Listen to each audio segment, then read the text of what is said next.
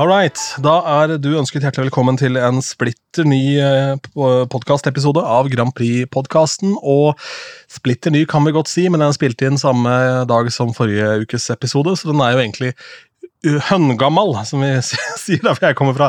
Velkommen til gards, Anders Tangen. Takk skal du ha. Jeg sitter i boden her og koser meg og gleder meg og at det er fryktelig varmt. Eh, og det er eh, sånn helt sånn plutselig sommer. Det er sånn det er blitt nå. At vi går liksom rett ifra sånn kalde vinder til det bare er sånn Nei, nå skal du ut og bade. Eh, jeg har ikke bada ennå, da, men urovekkende mange som holder på med det allerede. Jeg tenker at der sjekker jeg også kalenderen, jeg, altså. Og ikke bare været. Det er noe rart, det der. Jeg kunne ikke tenke meg å bade ennå. Jeg vet ikke om du er bader uansett, ja, men jeg er jo egentlig det. Så men det må bli juni. Jeg har ikke noe sånn stor tanke om bading, egentlig. Ta bomba da det trengs. Det er gjerne små bassenger for å lage mest mulig furore. Ja. Da du har han, jeg slenge på bombe. Gjerne sånne plaskebassenger som er på spa-hoteller og sånn. Der pleier jeg å kjøre en liten bombe på hjørnet. Du er han, ja. Eh, jeg tror ikke du skal gå på Frognerbadet uten barn. For det barnebassenget, det plaskebassenget der hvis, hvis, du ser at du er der helt uten barn og bare hopper uti det plaskebassenget, så kan det hende at det er noen som kommer og henter deg, i hvert fall, eller tar bilde av det og legger det ut på en nettside du ikke har lyst til å bli tatt bilde til. Kan være. Sånn skjer. Ja. sånt skjer. Ja, ja. Men det, det, jeg har det fint. Eh, Ellers så tenker de som sant er at jeg har noe som mangler oppi topplokket. Det kan være én av to. Ja, ja. Bitt av veps i hjernen. Mm. De har bygd bord inni der. All right. Jeg holdt på å si hva har skjedd siden sist, men det er jo ikke en dritt, for det er bare noen minutter siden. Så vi får snakke litt rundt denne, denne. Det er jo en uh, liten diskusjon nå, for ryktene er jo allerede i full gang om hvem som skal være med i 2024. Ja. Og uh, hvis vi tar den ryktebørsen som er, da, hva er det, hva er det man prater om? Nei, eh, vi nevnte jo i podkasten for to uker siden at eh, jeg, jeg hadde snappa opp at eh, det gikk rykter om Keiino eh, nede i Liverpool. Og det ble liksom eh, litt sterkere nå, for det var på et nettforum hvor de hadde hørt at Tom Hugo hadde sagt det, at han kunne være klar for MGP i 2024. Og det kan vel stemme, det. Det var som vi snakket om da, at de holder jo denne fanskaren i Eurovision veldig varm. Og de gjør egentlig ikke sånne kjempeiherdige forsøk på å nå utover den fanbasen de har der heller.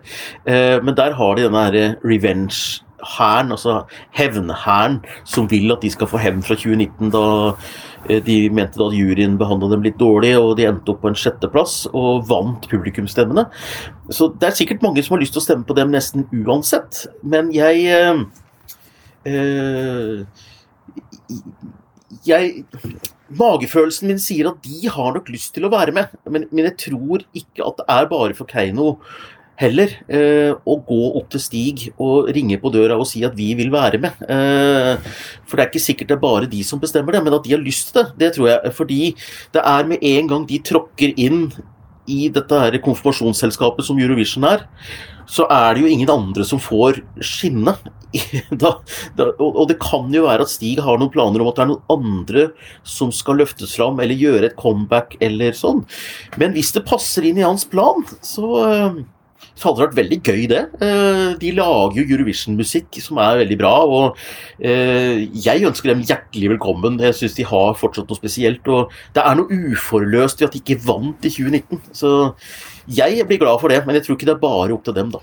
Og jeg tror ikke eh, Jeg tror ikke Stig, MGP, Keiino eller Ulrikke legger opp til en Ulrikke-Keiino-duell neste år. Fordi hvis Ulrikke skal være med nå, så da tror, jeg, da tror, jeg, Stig Karlsen tar med seg Tore Johansen og folk som er utkledd som Gjertrud, bare for at hun altså, da, da, tar han ingen sjanse, tror jeg. liksom sånn der, Kanskje. Da skulle hun i hvert fall vinne, ja. Ja, det var sånn. ja, ja.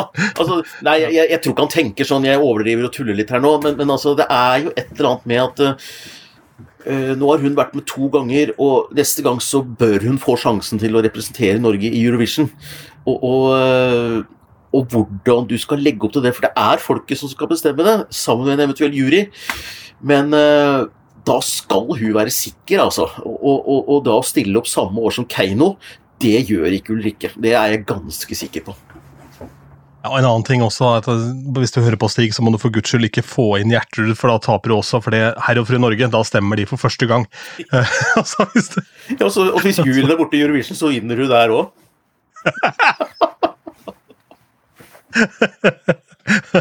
Det nye verket til Durka. ja. Står det med sånn derre Står det med sånn derre eh, Hessdalen-stjerne på huet, eller en eller annen sånn hjemmebrentflaske, eller et eller annet sånn eh, ja, istedenfor den Ja. Trønderhumor. Mm, Misseltein, ja. Mm. Med DDE som backingband. ja, kanskje det. Kanskje det. Oi, oi, oi. Dette er jo aldeles nydelig. Eh, hva, hva bringer sommeren, da? Har du noen planer? Sånn Ja, Vi har valgt altså det mest håpløse økonomiske sted å dra til. Eh, fordi jeg har lovt eh, Marie, datteren min, Danmark, og det var ikke mulig å gå tilbake på det. Men hva kursen er der når vi skal reise i juli, det vet jeg ikke, for nå er det må gange med 1,6 nå. Eh, så Danmark er jo det dummeste landet å dra til rent sånn økonomisk, men det er fortsatt det morsomste. Så det blir København, og det blir Humlebekk. Eh, på Airbnb og eh, bo i nærheten av tivoli og, og blakke meg i København og kjøre skumle berg-og-dal-baner. Eh, det er det det blir. Som jeg eh, er livredd, og det er datteren min, så det, det blir vel noen podkastepisoder om det, da. Ja, det vil jeg tro.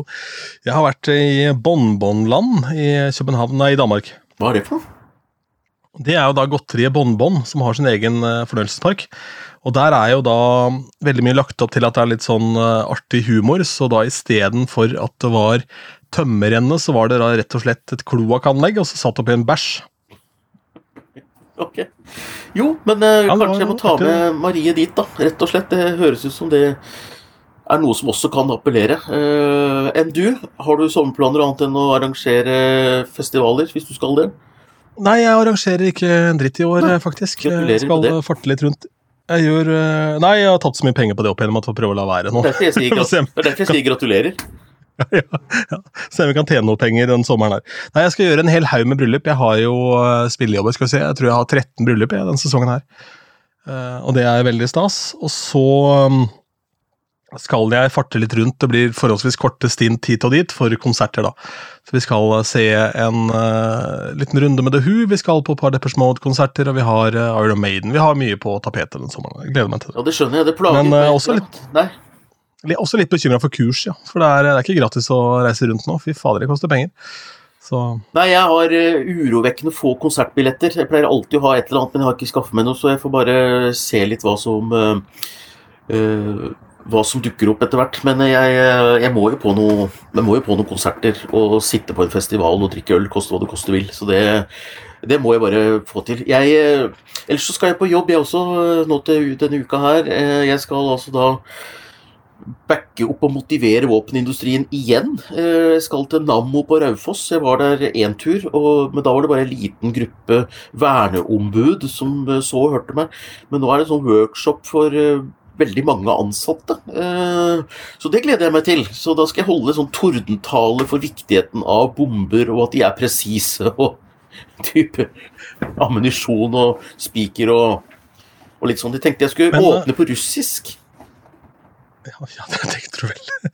Du Føler du at det var fortroppen som var og så deg, for å sjekke om du var verdig til å ta, ta en del av et større del av selskapet? Ja, når du står der foran en hel gjeng for hovedverneombud da er det klart at det er noe som skal sjekkes ut om dette her er trygt. Og det var det jo ikke, så da går de for det. For det er en slags, kanskje en slags beredskapsøvelse. Mm. Hvordan håndterer vi når fienden kommer innafor? Ja, det er minst truende komikeren jeg fant for han der bøtteknotten. Ja, ja. Putter vi alt frampå der. Mm. Deilig.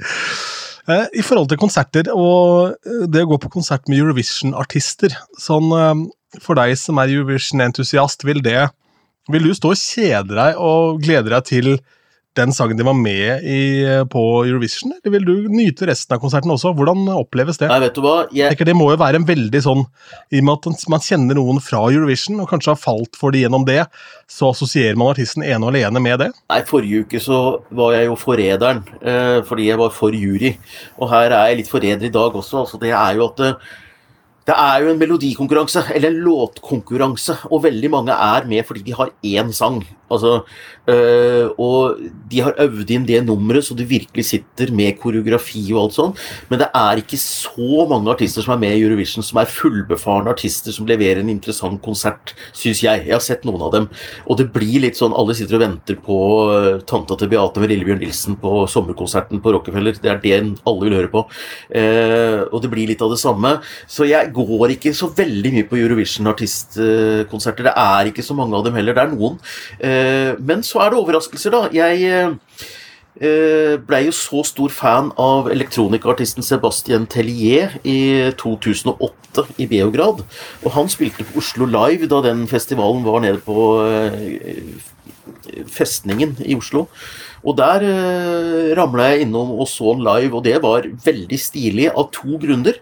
For det første så var det interessant, delvis fordi at han kom inn med en flaske hvitvin. Han er jo fransk, selvfølgelig. Sebastian Tellier. Han kom inn med hvitt skjerf rundt halsen, langt hår og arrogant skjegg. Og begynte bare før noen begynte å spille, så helte han helt riktig mengde glass, eller riktig vin oppi glasset, sånn at det ikke er for mye og ikke for lite, men sånn typisk fransk. Og sånn fortsatte det. Så han tømte denne hvitvinsflaska, da, mens han uh, leverte låtene på en sånn sløy, arrogant uh, måte. Deilig elektronikakonsert, og jeg ble enda mer fan av Sebastian Tellier etter den uh, konserten. Han ble halvbrisen, og jeg, det gjorde jeg òg, så vi holdt følge gjennom konserten. så det var, det var fint, det. Og så er det jo Jeg har vært på Rybak, selvfølgelig det var spesielt, hvor han var popstjerne eh, på Rockefeller. Hvor han liksom var eh, Skulle levere en sånn kredibel konsert og gå på scenen litt sånn seint klokka åtte. Når det er vant til familiepublikum på Gjøvikmarken og Askim-Marten og liksom ja. spille klokka halv åtte. Og gå på klokka ti. Det var for et konsept som ikke kledde Rybak sånn kjempegodt, for han var ikke den typen artist. Så da skjønte jeg at du er mer sånn familieartist. ikke sant? Så det er hvor passer du inn hen? Det er ganske viktig, altså. Eh, skal du på øya, eller skal du på miniøya, liksom? Det er, eh, som er for barn. Så må jeg bare si unnskyld til eh, hele det norske folk på vegne av Anders metafor hvor han dro inn Lillebjørn Nilsen, som har 20 hitlåter. Ja, ja, ja.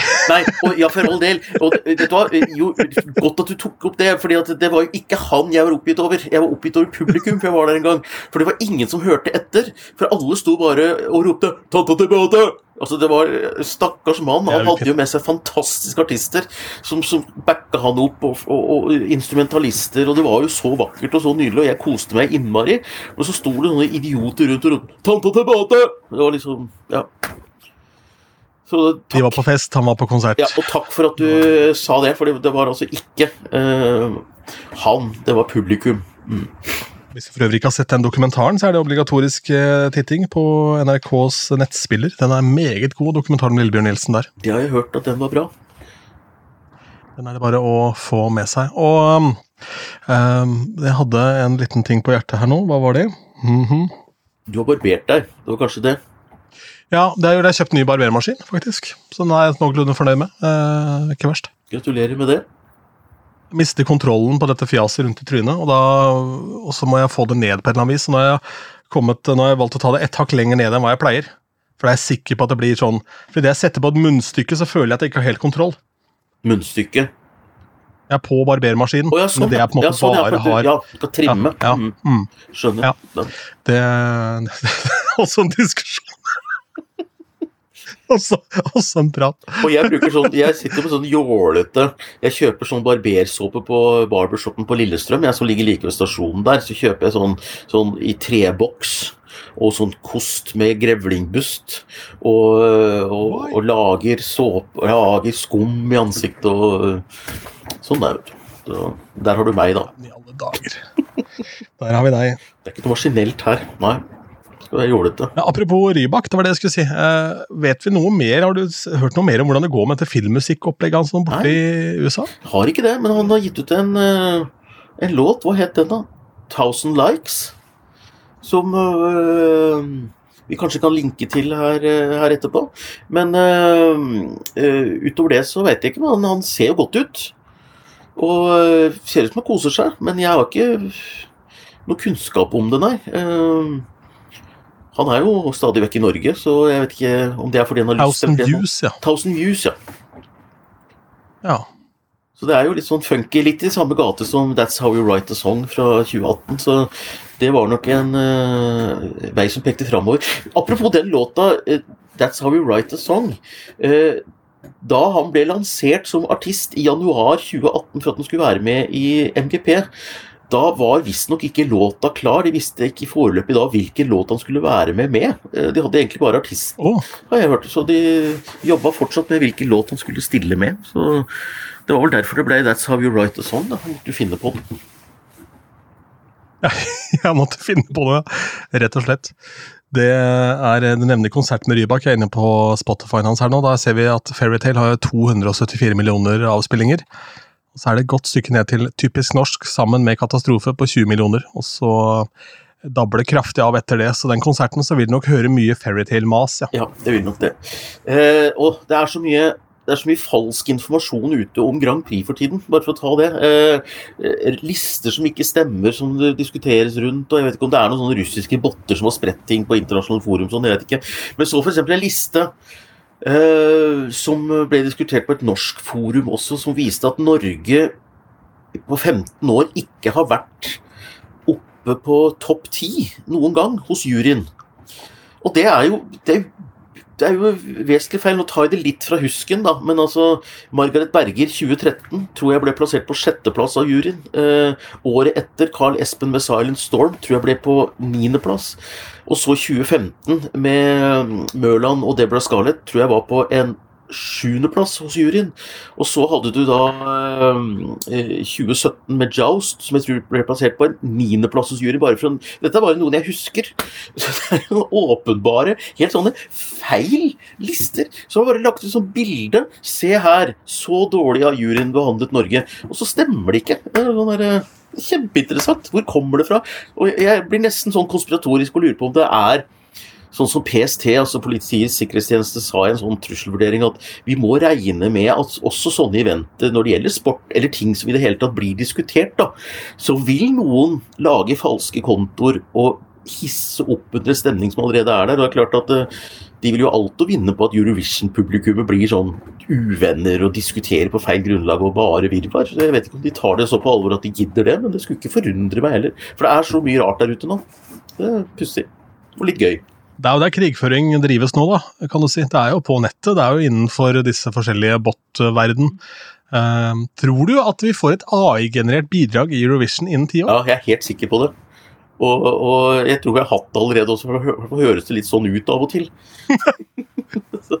det er jo nesten Når du sitter i studio og du kommer med sånne referanselåter, og du begynner å, de, begynner å demontere dem og ta ut elementer, og så bruke de sample og så sette det sammen igjen på en ny måte, så er det jo farlig nær. Det er et menneske som gjør det. da, så det, Nei, det er jeg helt sikker på. Og øh, tenk om det vinner. Det er jo øh, Ja. Det hadde jo vært veldig, veldig gøy. Tror du? Jeg hørte manageren til eh, Alan Walker, Gunnar Greve, var invitert til, eh, til eh, en sånn seanse i Kina, hvor en av disse store tech-selskapene spilte av en hel haug med låter som han skulle rate fra liksom én til ti. Mm. Og da skjønte han først i etterkant etter at han var ferdig der, at han hadde vært med da og testa den AI-generatoren deres for musikk. Oh. For å se hvor bra den var. da. Det forsto han ikke før liksom et år etterpå, men da skjønte han hva han hadde vært med på. da. For da hadde han en artist eh, som klarte å ha store hits i Asia. Og da ville de gjerne sjekke liksom hvordan uh, han syntes at det fungerte. da. Så det var en artig seanse.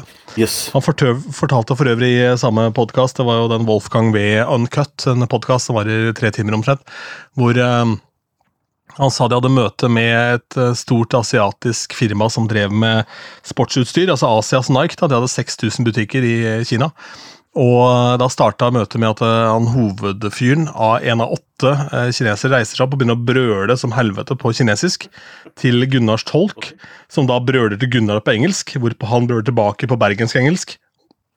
Han brøler på kinesisk igjen, og sånn holder det på i flere timer. Før de til slutt nå har det ennå ikke sagt ett ord på engelsk eh, fra, altså, fra, asiaternes side, men etter tre timer så skjønte de at han kom ikke til å gi seg, han Gunnar, så da sa de 'good man, we have a deal'. Og man skal aldri undervurdere masing. Bare det å bare mase seg til ting, det er egentlig det er en, uh... Men det er vel et mindreverdighetskompleks blant uh, kinesere som pga. USA, sant, som er så massivt at de rett og slett må herse så jævlig med folk når de kommer til bordet. Det er typisk sånne ting har blitt til. Altså, Der satt det syv stykker og sa ikke en dritt. Gunnar hadde med seg en annen fyr, og så tolken, og Gunnar sto og brøla skreik. Det er for øvrig hvis du falt for den gjengen som var litt sjarmerende på, på Scotchman, så må du ikke høre den poden, for han er også bergenser og meget, meget kompetent og samtidig på en eller annen merkelig vis ydmyk til tross for all suksessen. og det det um, er, Jeg vet ikke om det kler bergensere. Jeg handler ikke. jeg, skal, ta og høre på den. Men du, med myndigheter og musikk og mindreverdighetskomplekser eh, Det var veldig gøy å være sammen med Carl Henrik Wahl, eh, talsperson til Subwoolfer og en av låtskriverne bak eh, Give That Wolf a Banana. Så, eh, så vi satt og snakka, så fortalte han at på mandag så var han litt nervøs for at han skulle ha et møte. Ja, hva er det som skjer da på mandag? Nei, da kommer regjeringen. Regjeringen har tatt kontakt med oss. Ja vel. Eh, ja, hva, hva, hva, er det for noe? Nei, eh, de ville undersøke litt hva regjeringen kunne bidra med for norsk musikkeksport. Så Anniken Huitfeldt, utenriksministeren, hadde satt av to-tre timer oppe på Rena for å få omvisning og lære seg metoden The Wood, hva de holdt på med der oppe. Så, eh, så hun ville bare få høre hva er det vi kan bidra med for å øke norsk musikkeksport. Så det var jo det, det er kult. Det har ikke vært så mye medieoppslag på det, men det er eh, veldig, veldig Jeg syns jo det var fantastisk morsomt at utenriksministeren er oppe for å hilse på Subwoolfer-gjengen. Eller Subwoolfer var ikke der, da, men uh, bakgrunnsfolka. Ja, og så er det på høy tid, føler jeg. fordi dette har jo vært eh, milliardbutikk og vel så det for svenskene i alle år. Så hvorfor skal ikke nordmenn også få det til eh, på samme måte? Nei, og Nå skal juryen bort i Eurovision, kanskje, så da er det jo noe med å Da må vi kjøpe oss stemmer. Folk. Give Wolf of pair kommer neste år. Det er bare å glede seg. Herlig, Anders. Skal vi la det bli med det? Hvis du har noe på hjertet. Mm, eh, som, ja, som du hører, her trenger vi hjelp for å holde dette gående i løpet av sommeren, så det er bare å sende oss e-post. Eh, det er hei at grandprixpod.no. Hei at grandprixpod.no du kan benytte deg av. Da tar vi tak i din e-post, og så ser vi om vi klarer å få noe vettugt ut av det. Jeg heter Ronny Bergersen, Anders Tangen på andre siden av apparaturen. Vi sier takk for følget.